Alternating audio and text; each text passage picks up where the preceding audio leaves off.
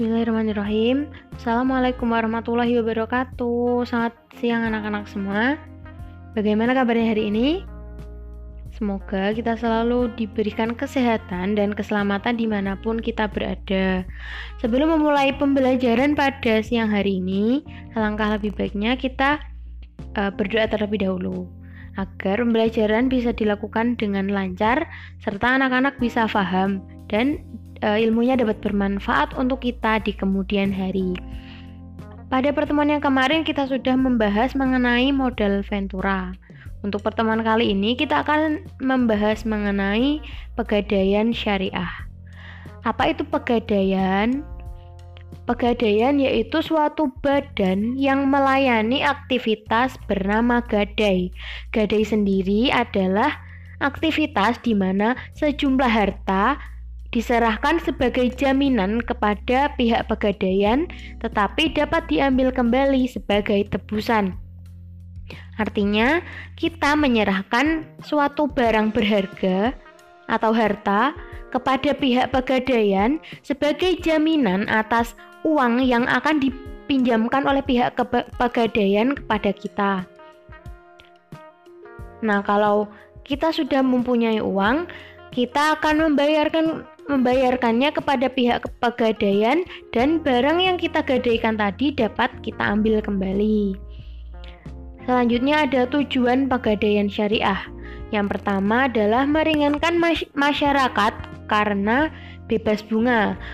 Di pegadaian ini kita hanya perlu membayarkan biaya administrasi. Selanjutnya, membantu masyarakat mendapatkan jaminan dengan mudah mendapatkan pinjaman dengan mudah. Jadi eh, syarat-syarat untuk menggadaikan ini sangat mudah dan tidak memberatkan masyarakat. Kemudian melaksanakan program pemerintah yaitu di bidang pembiayaan. Program pemerintah di sini adalah e, di bidang ekonomi dan pembangunan nasional yang dapat dilaksanakan melalui penyaluran dana dari pegadaian. Artinya pegadaian memberikan dana dan mampu menggerakkan aktivitas ekonomi di masyarakat. Selanjutnya, mencegah praktik bunga meledak, pinjaman tidak wajar, dan pinjaman-pinjaman yang lainnya. Karena di pegadaian syariah hanya perlu membayarkan satu kali administrasi dan tanpa bunga, sehingga tidak memberatkan masyarakat sama sekali dan malah membantu masyarakat. Selanjutnya ada rukun gadai syariah. Rukun rukun yaitu hal-hal yang uh, perlu harus dipenuhi agar uh, akadnya menjadi sah. Yang pertama ada rahin, yaitu yang menggadaikan atau pihak nasabahnya. Yang kedua ada murtahin, yaitu pihak yang menerima gadai atau pihak pegadaiannya.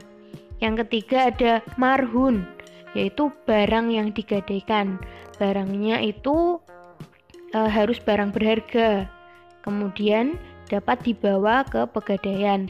Kalau kalau misalnya barang berharganya itu rumah atau tanah yang perlu dibawa hanya surat-suratnya saja.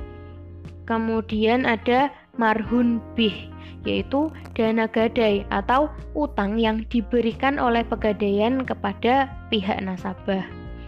Selanjutnya ada sigot, yaitu kesepakatan atau akad antara pihak pegadaian dan pihak nasabah. Kemudian ada jasa dan produk dari pegadaian.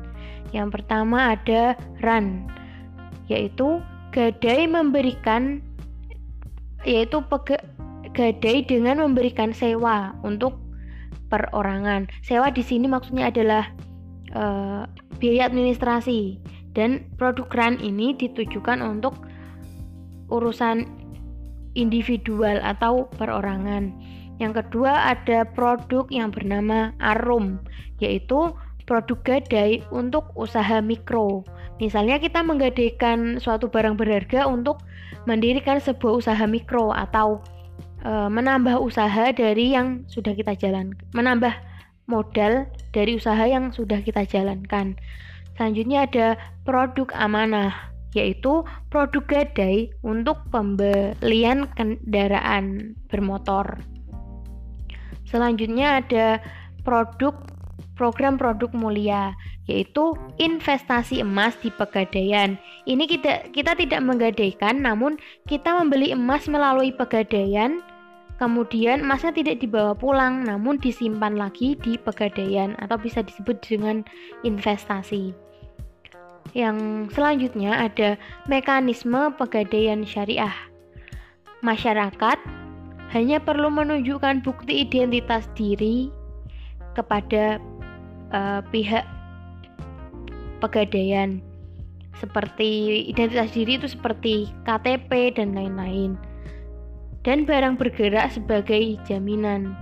Nah, barang yang uh, bisa digadaikan ini barang yang bisa dibawa ke kantor pegadaian seperti emas, perhiasan, dan lain-lain. Kalau misalnya barangnya berupa rumah atau tanah hanya perlu dibawa ke pegadaian hanya surat-suratnya saja. Kemudian uang pinjaman dapat diperoleh dalam waktu yang tidak relatif lama, kurang lebih 15 menit saja. Artinya proses pegadaiannya hanya perlu memakan waktu 15 menit. Untuk melunasi pinjaman, nasabah cukup dengan menyerahkan sejumlah uang dan surat buktiran saja dengan waktu proses yang juga singkat. Jadi kalau kita sudah punya uang untuk membayar utang ke pegadaian, maka kita hanya perlu menunjukkan uh, apa identitas atau surat rannya saja. Kemudian kita dapat mengambil kembali uh, apa pro, mengambil kembali uh, barang yang kita gadaikan tadi. Oke, sampai di sini saja materi kita. Uh, untuk hari ini tidak ada tugas dan untuk hari ini adalah pertemuan yang terakhir. Jadi setelah ini ibu akan kembali ke UNES dan tidak mengajar kalian lagi. Semoga kalian semua selalu semangat belajar dan menjadi murid-murid yang pintar. Oke, sekian. Terima kasih. Wassalamualaikum warahmatullahi wabarakatuh.